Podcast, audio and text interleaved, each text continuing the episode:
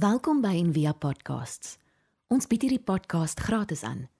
Om 'n bydrae te maak, besoek gerus ons webblad en via.org.za vir meer inligting. Kom ons lees weer hierdie hierdie verhaal waaroor ek so dankbaar is vir Johannes dat hy dit neergeskryf het. Johannes 20 vers 11. Maar Maria het buitekant by die graf gestaan en ween en terwyl sy ween buig sy na die graf toe en sien twee engele daar sit met wit klere aan, een by die hoof en een by die voete waar die liggaam van Jesus gelê het. En hulle sê vir haar: "Vrou, waarom ween jy?" Sy antwoord hulle: "Omdat hulle my Here weggeneem het. En ek weet nie waar hulle hom neergelê het nie." En toe sy dit gesê het, draai sy haar om agtertoe en sien Jesus staan en sy het nie geweet dat dit Jesus was nie. Hy sê vir haar: "Vrou, waarom ween jy? Wie soek jy?" Sy het gedink dat dit die tuinier was en antwoord hom: "Meneer, as u hom weggedra het, sê vir my waar hy hom neergelê het en ek sal hom wegneem." Jesus sê vir haar: "Maria." Sy draai haar om en sien vir hom: "Rabboni." Dit beteken meester. Jesus sê vir haar: "Raak my nie aan nie, want ek het nog nie opgevaar na my Vader nie."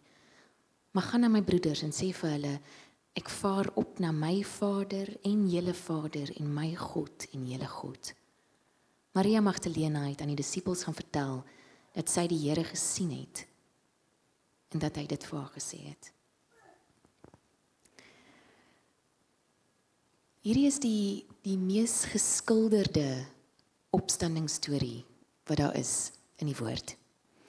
En vir lank was dit nogal ongemaklik geweest vir die Katolieke Kerk want dis eintlik die verkeerde Maria aan wie Jesus hier verskyn het.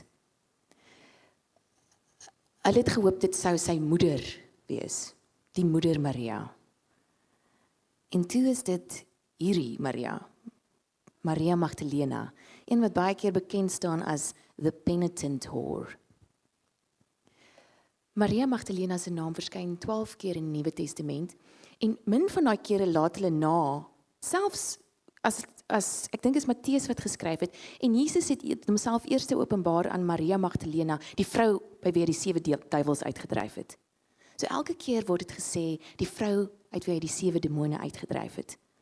Asof die manlike skrywers ons net nooit wil laat vergeet dat ten spyte van die feit dat Jesus eers daarna verskyn het, moenie nie vergeet waar sy vandaan kom en wie sy eintlik is nie.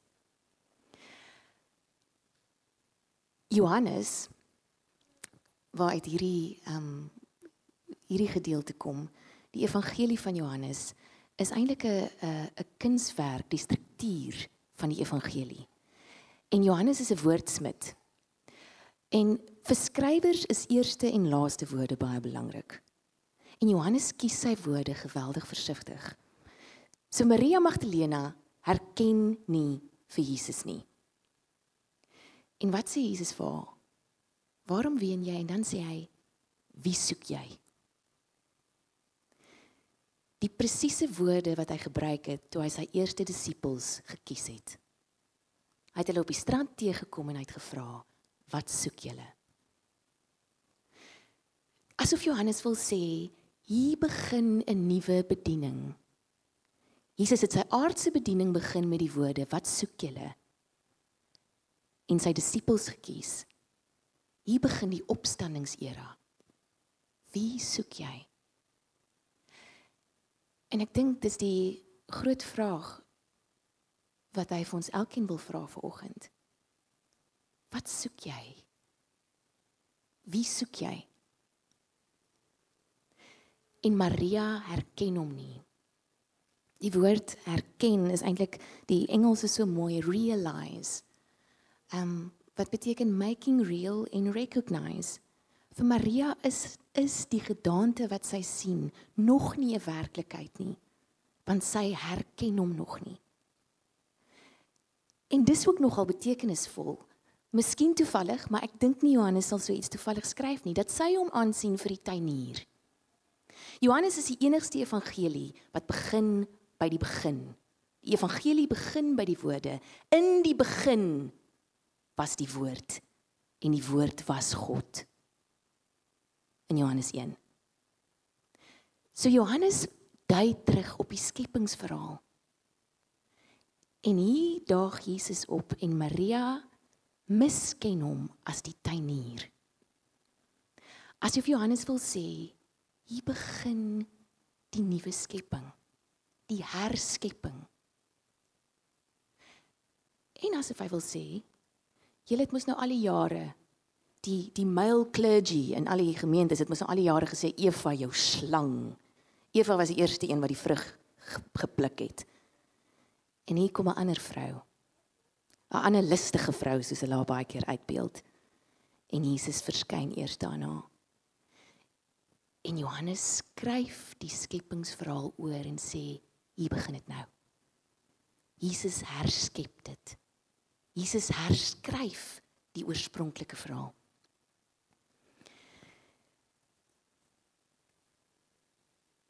Die woord het vlees geword. Is die woorde wat in Johannes 1 vers 14 staan. En hierdie ontmoeting sê en die vlees word weer woord. Die woord moet vlees word. Maar die vlees word weer woord. Maar anders hierdie keer. Want daar staan nie hekwagte by die hemel nie. Daar staan nie hekwagte voor God om te sê ons keer julle om in te kom nie. Die voorhang sal dit geskeur. Die toegang tot God is oop. Dis wat Christus kom doen het. En hy verskyn eerste aan 'n vrou. En die disippels, dit is nou vandag dalk nie vir ons so radikaal nie. Miskien bietjie verrassend, maar nie radikaal nie. Maar die disippels het bitter lank gevat om hierdie pil te sluk die ek gaan nou nie vandag vir julle uit iets anders as die Bybel voorlees nie. Maar die die apokriewe as julle julle self vergins wil doen om die om die evangelie van Thomas um en die evangelie van Maria Magdalena te lees, dan is dit nou kyk Petrus. Petrus was mos nou maar altyd uh die ou wat vir Jesus drie keer verraai het. En is snaaks, want ons preek, dis asof die verraaiing van 'n man meer fyn is Ons spreek so baie oor Petrus wat Jesus verraai het. En so min oor Jesus wat eers verskyn het aan 'n vrou. Dis mos as jy 'n man in 'n supermark sien, um met twee kinders in sy op elke heup en hulle het vier chocolates in elke hand en 'n skerp draad wat daai kant uitstaan dan gaan almal, "Ag oh, moeder, kyk daai goeie pappa." Hy's hom oulik dat hy al twee sy kinders met hom kan saamvat winkel toe. En as die ma met twee kinders op haar heupe sou loop met vier chocolates in die hand. So almal gaan, "O, julle, wat 'n ma is dit dat sy dit toelaat." In elk geval, dis net 'n sideline vir dag vir Moedersdag. Dit was nogal skandalig. En ek dink nie Jesus sou eers aan Maria Magdalena verskyn het om dowe neete nie. Ehm um, daar's twee goed wat vir my uitstaan in hierdie verhaal en ek sal nou daarby uitkom. Maar in die apokriewe dan is die disippels op 'n stadium, hulle is moedeloos. Hulle weet nie wat om te doen nie. Jesus is nou dood. Wat moet hulle nou doen? En dan staan Maria Magdalena op. En hulle verdra haar net, net net. Omdat iemand vir hulle gesê het Jesus het haar die liefste gehad. So hulle gaan iewers moet hulle seker iets iets in haar mis. Want Jesus was lief vir haar. Maar sy's 'n vrou, so hulle weet nie eintlik wat sy daar doen nie. Sy en al die ander Marias, hulle praat dus heeltyd van al die Marias, al die Marias wat saam met die disippels was.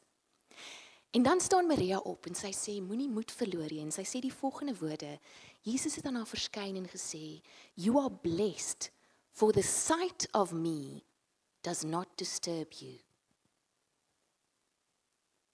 En dan vra sy vir hulle om vir 'n tyd lank in stilte te sit. En sy sê, Having said all of this, said the gospel, Mary became silent, for it was in silence that the teacher spoke to her. Wat Maria eintlik die eerste mystieke figuur, die eerste kontemplatiewe vrou en mens maak in die skrif. Sy het stilte aan die disippels voorgestel en vir hulle gesê dit is hoe die meester nou met haar praat. En ek glo dit kom alles vanuit hierdie ontmoeting uit. Maria het die pad van stilte gekies omdat hierdie met haar gebeur het. Nou Jesus vra vir haar, "Wie soek jy?" En um, ek onthou so goed, ons het uh so 'n paar jaar terug 'n uh, retreat gehad. En um saam met Trevor Hudson en en Trevor het gevra, uh wat is jou grootste longing? En ons almal het by die sirkel omgegaan en sulke mooi retreat antwoorde gegee. Um en een persoon het gesê hy soek 'n werk. Hy soek 'n werk om vir sy familie te kan sorg. En ons almal het instinktief geweet dis die eerlikste antwoord wat vanuit ons sirkel uitgekom het. En ek dink dit is wat Jesus volgend vra. Hy vra vir elkeen van ons, wat soek jy? En as jy sou antwoord 'n werk, dan sou hy vra En wat dink jy gaan die werk jou gee? En dan sal hy dit so laagie vir laagie oopkrap om by die wortel te kom van wat ons soek. En dis wat hy met Maria gedoen het.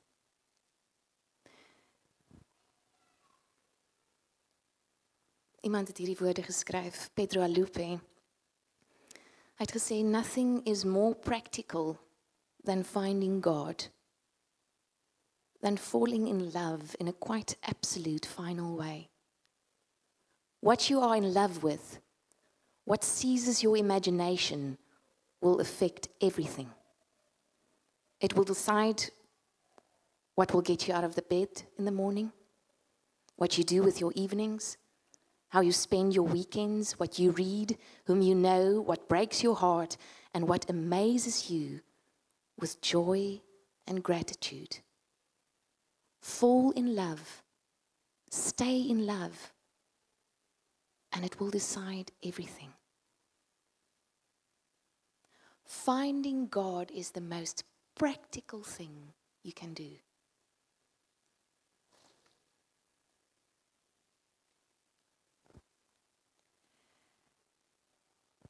Baie mense neem aan dat Maria Magdalena ook die vrou was die sondige vrou wat Jesus met die alabaster fles kom salf het terwyl hy in 'n hooggeleerde se huis gekuier het, geëet het. Dis nie bevestig nie, maar indien dit so sou wees, is daar 'n sleutel in hierdie verhaal. En indien dit nie sou so sou wees nie, is daar ook 'n sleutel in hierdie verhaal wat ek nog nooit van tevore heeltemal so raak gelees het nie. Dit staan in Lukas 7 vers 47. Almal wys 'n vinger na hierdie vrou wat Jesus se voete soen en hierdie dierolie op hom kom uitgooi. En hy sê: "Daarom sê ek vir jou, haar sondes wat baie is, is vergewe, want sy het baie lief gehad. Maar hy vir wie weinig vergewe is, het weinig lief." Nou dis dis dis dis maklik om die om die fynere nuances hier te mis in die Afrikaans. Die Engels sê dit dalk beter. Her many sins must have been forgiven her or she would not have shown such great love. It is the person who is forgiven little who shows little love. En dis wat Jesus kom demonstreer in hierdie verhaal. Maria is hartseer. Jesus het haar terug in die lewe in liefgehê. Hy het haar in wording laat kom. Sy stoot die dood toe hartseer. Hierdie verhaal begin met die woorde maar. En um, enige goeie Afrikaanse onderwyser sou vir jou geleer het dat jy geen sin begin met die woord maar nie. Jy begin nie 'n paragraaf met die woord maar nie en jy begin nie 'n kort verhaal met die woord maar nie. En hierdie verhaal begin met die woord maar. En dan kyk ons altyd na die vorige storie. En daar staan en die disippels het weer huis toe gegaan. En dan begin hierdie storie so: Maar Maria het buitekant by die graf gestaan en ween. In teenstelling met almal anders het sy gesit en ween want sy het gevoel die bron van haar lewe die persoon wat haar regtig liefgehad het, wat haar werklik gesien het en haar toegelaat het om gesien te word, is nou weg. En Richard Rohr sê dit so mooi. Hy sê wat het haar genoop? Wat het haar genoop om hier te wees? Om Jesus eers te sien? The very failures and radical insufficiency of her life, of our lives are what lead us into larger life and love. Liefde arriveer dag op voor rol. Love arrives before roll. Die vrou wat hom liefgehad het, daag op voor die disippels voor die mense wat hulle self iets genoem het in sy koninkryk.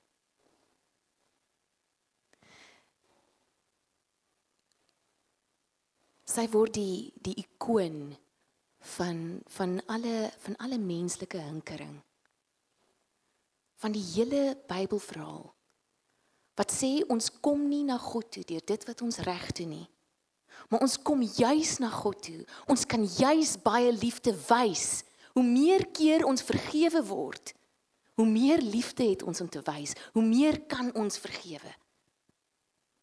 Hoe meer ons na God toe kom op ons rims aan die einde van ons tou, hoe meer kan hy ons uitleg. En sy begryp dit, die ander nie. Sy begryp dit so ten volle En hier kom ons nou by die tweede deel van die storie.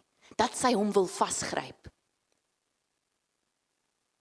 Sy begryp so ten volle dat haar identiteit in hom lê. Dat sy haarself nie kan loskeer van sy menslike liggaam nie.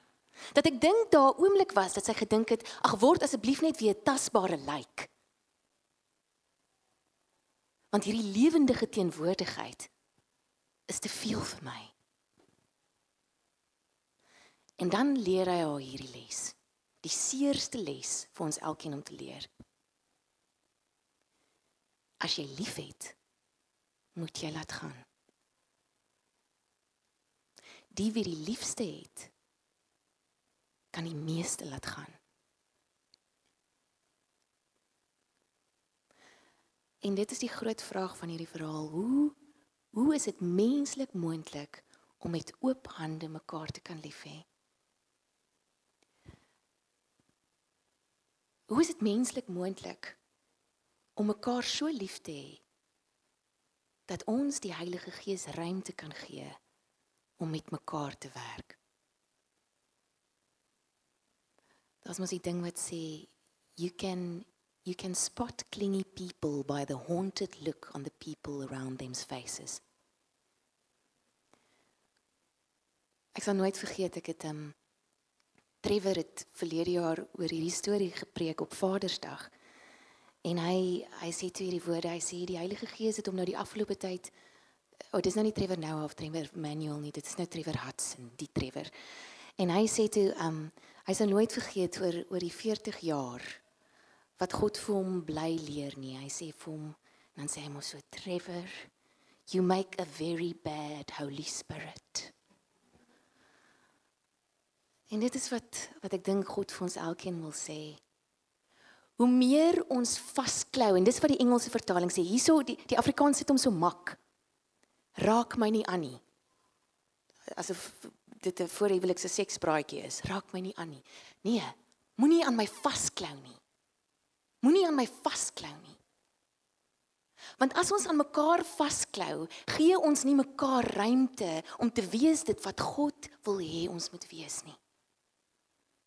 Wanneer ons laat gaan, gee ons die Heilige Gees ruimte. Gee ons die asem ruimte. En dis 'n gee en 'n neem. Dis baie keer net so belangrik om iemand te laat gaan wat jou nie kan laat gaan nie. En dit wil is ons kinders wat dit vir ons leer. Myne is gelukkig nog te klein, maar ek hoor is op pad. Aaron Hansen sê, "Do not hold your breath for anyone. Do not wish your lungs to be still. It may delay the cracks from spreading, but eventually they will.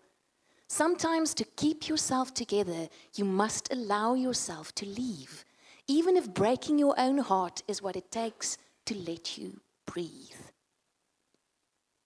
Dis hoekom hulle dis 'n instinktiewe mensgemaakte ding dat jou kind jou moet haat op 18 sodat hulle hulle asem kan gaan kry en jou bevry. Jou leer dat die Heilige Gees 'n beter job doen as wat ons kan. Die afgelope tyd voel ek soos 'n regte en ek sal nou maar nie die woord sê wat regtig eintlik in my kop is nie, maar ek voel soos 'n aaklige moeder. Ek voel ek is nooit daar nie. Ek mis my kinders. En ek het vir vir 'n week lank het ek die stuurwiel so vasgegryp as ek ry en was dit so angstige ek wil by die huis wees en ek wil wys ek is 'n goeie ma. Toe die Here eendag net iets in my losgemaak het om te sê, vat al daai energie wat jy om daai stuurwiel vat met jou wit kneukels en maak jou hande oop, nie noodwendig op die pad nie, maar maak jou hande oop en gee al daai energie uit om te sê laat gaan. Ek is hulle pa, ek is hulle ma.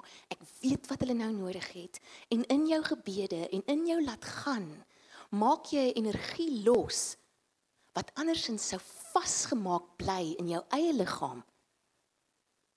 En niks vir hulle doen nie.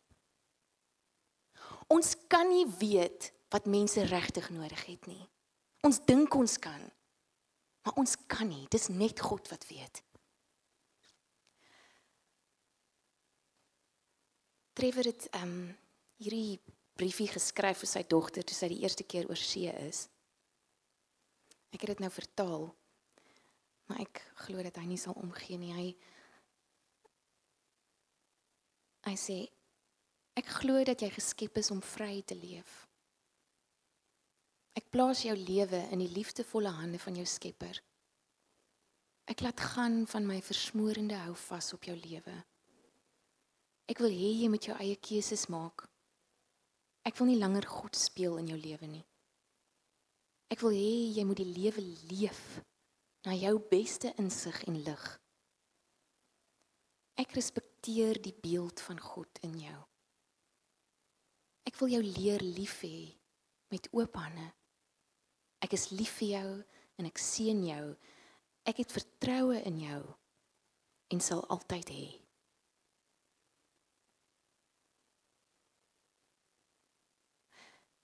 En dit is kontra-intuïtief.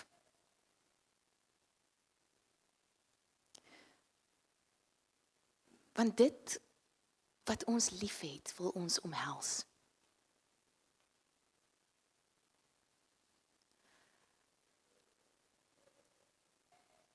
En dit is asof Jesus met hierdie verhaal wil kom sê. Maria, altyd, ja, altyd eers die intimiteit altyd eers wat soek jy en dan sê sy ek soek u. Dan sê hy oké. Okay, dis 'n goeie begin. Ek het jou lief, jy het my lief. Maar dit bly nooit by intimiteit nie. Intimiteit stuur ons uit. Intimiteit is vir 'n wye wêreld daar buite. Ek en my man het 'n band van liefde om 'n wye wêreld daar buite beter te kan lief hê. Ek ek ek maak nou of dit 'n feit is. Ek preek eintlik net vir myself. Dit dit dit dit is waarvoor ons geroep is. Om mekaar lief te hê, ja. Maar om mekaar met sulke oop hande lief te hê, sodat die energie vanuit ons harte deur ons hande na die hele wêreld toe kan gaan. Jesus sê hierdie mooi woorde vir Maria asof hy wil sê hier's hier's die groter prentjie. Ek gaan na my Vader en na jou Vader, na my God en na jou God. Jy sien, hy sê vir haar jy het nou alles. So jy hoef nie aan een ding vas te klou nie. Dis as ons glo ons het niks dat ons aan iets vasklou. Maar in Christus het ons alles. Alles het deur hom tot stand gekom en hou in hom tot stand. En in hom het ons alles. So ons hoef nie aan iets vas te klou nie. Ek het um, myself in Maria Magdalena se skoene of as sandale of wat ook al probeer sit en toe hierdie hierdie volgende lied geskryf. Ehm um, en ek het net die hele tyd hierdie volgende woorde gehoor asof asof Jesus vir my sê asof Jesus vir my sê hy het, ek het nie die stem gehoor nie. Ehm um, hoe klou jy vaster aan 'n verlosser? Hy is ons verlosser. En vir enige iets waaraan ons wil vaster klou, is dit waarvoor hy ons verlos. Vry om vry te wees. Want in vryheid kan ons werklik lief hê.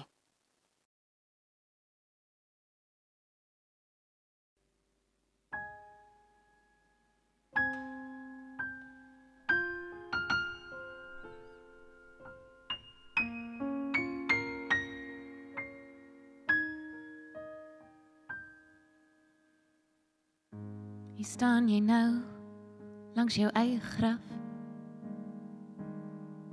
Hier staan jy nou spring lewendig en glimlag.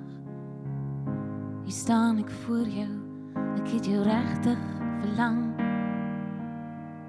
Hier staan ek voor jou. Kan jy nie sien hoe ek hang tussen hemel en aarde?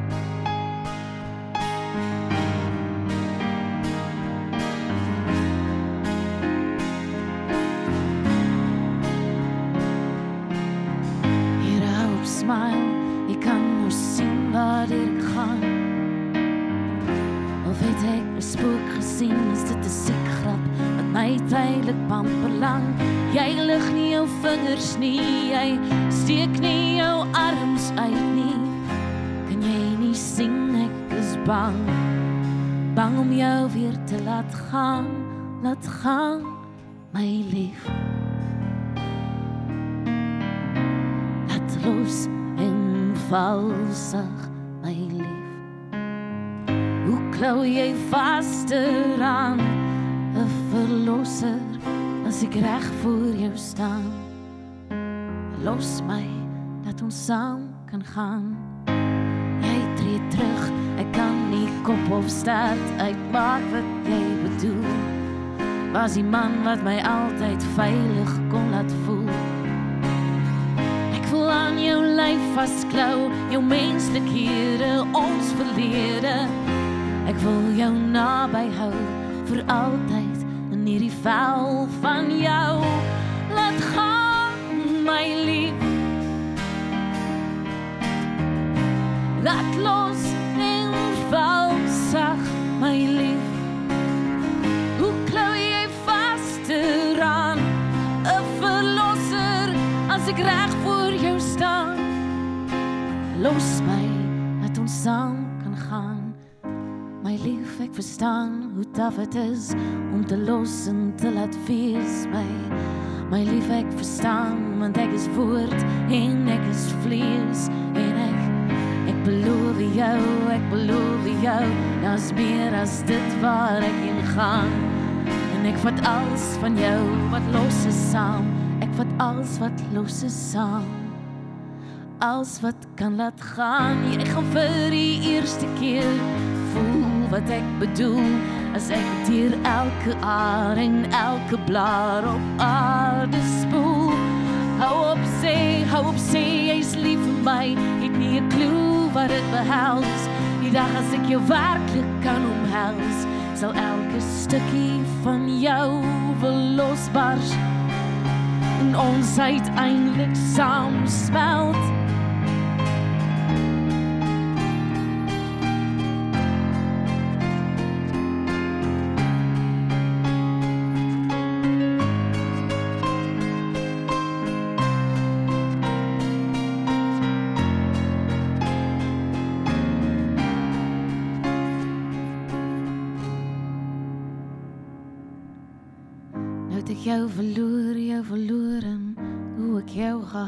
Gehaat het. Dit wat ek kon sien, kon soen en wat my verlaat het. Maar ek begryp, ek begryp as ek jou vasgryp, kan ons nie vlieg nie.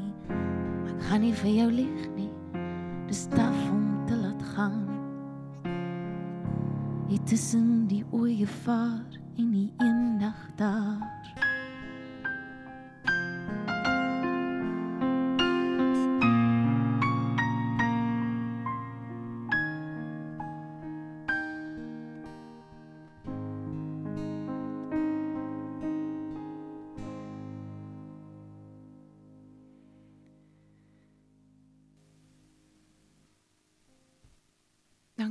Ons na U toe kan kom. Nie net ten spyte van nie, maar as gevolg van. As gevolg van ons tekortkominge, as gevolg van ons ons hande wat wil vasklou, as as gevolg van die feit dat ons mens is, as gevolg van die feit dat ons asem nodig het om te kan leef en om te kan lief hê. En dankie dat U ons nogtans as gevolg daarvan liefhet. Liewer as wat ons in ons lywe ooit sal weet wie ons het. Dankie dat u opgevaar het sodat u nou Here vir almal kan wees. Selfs vir my en nie net vir Maria Magdalena nie. Dankie vir hierdie verhaal waarin u iets van u u verlosser hart vir ons openbaar. Amen. Ons hoop van harte jy het hierdie podcast geniet of raadsaam gevind. Besoek gerus en via.ok.za vir meer inligting.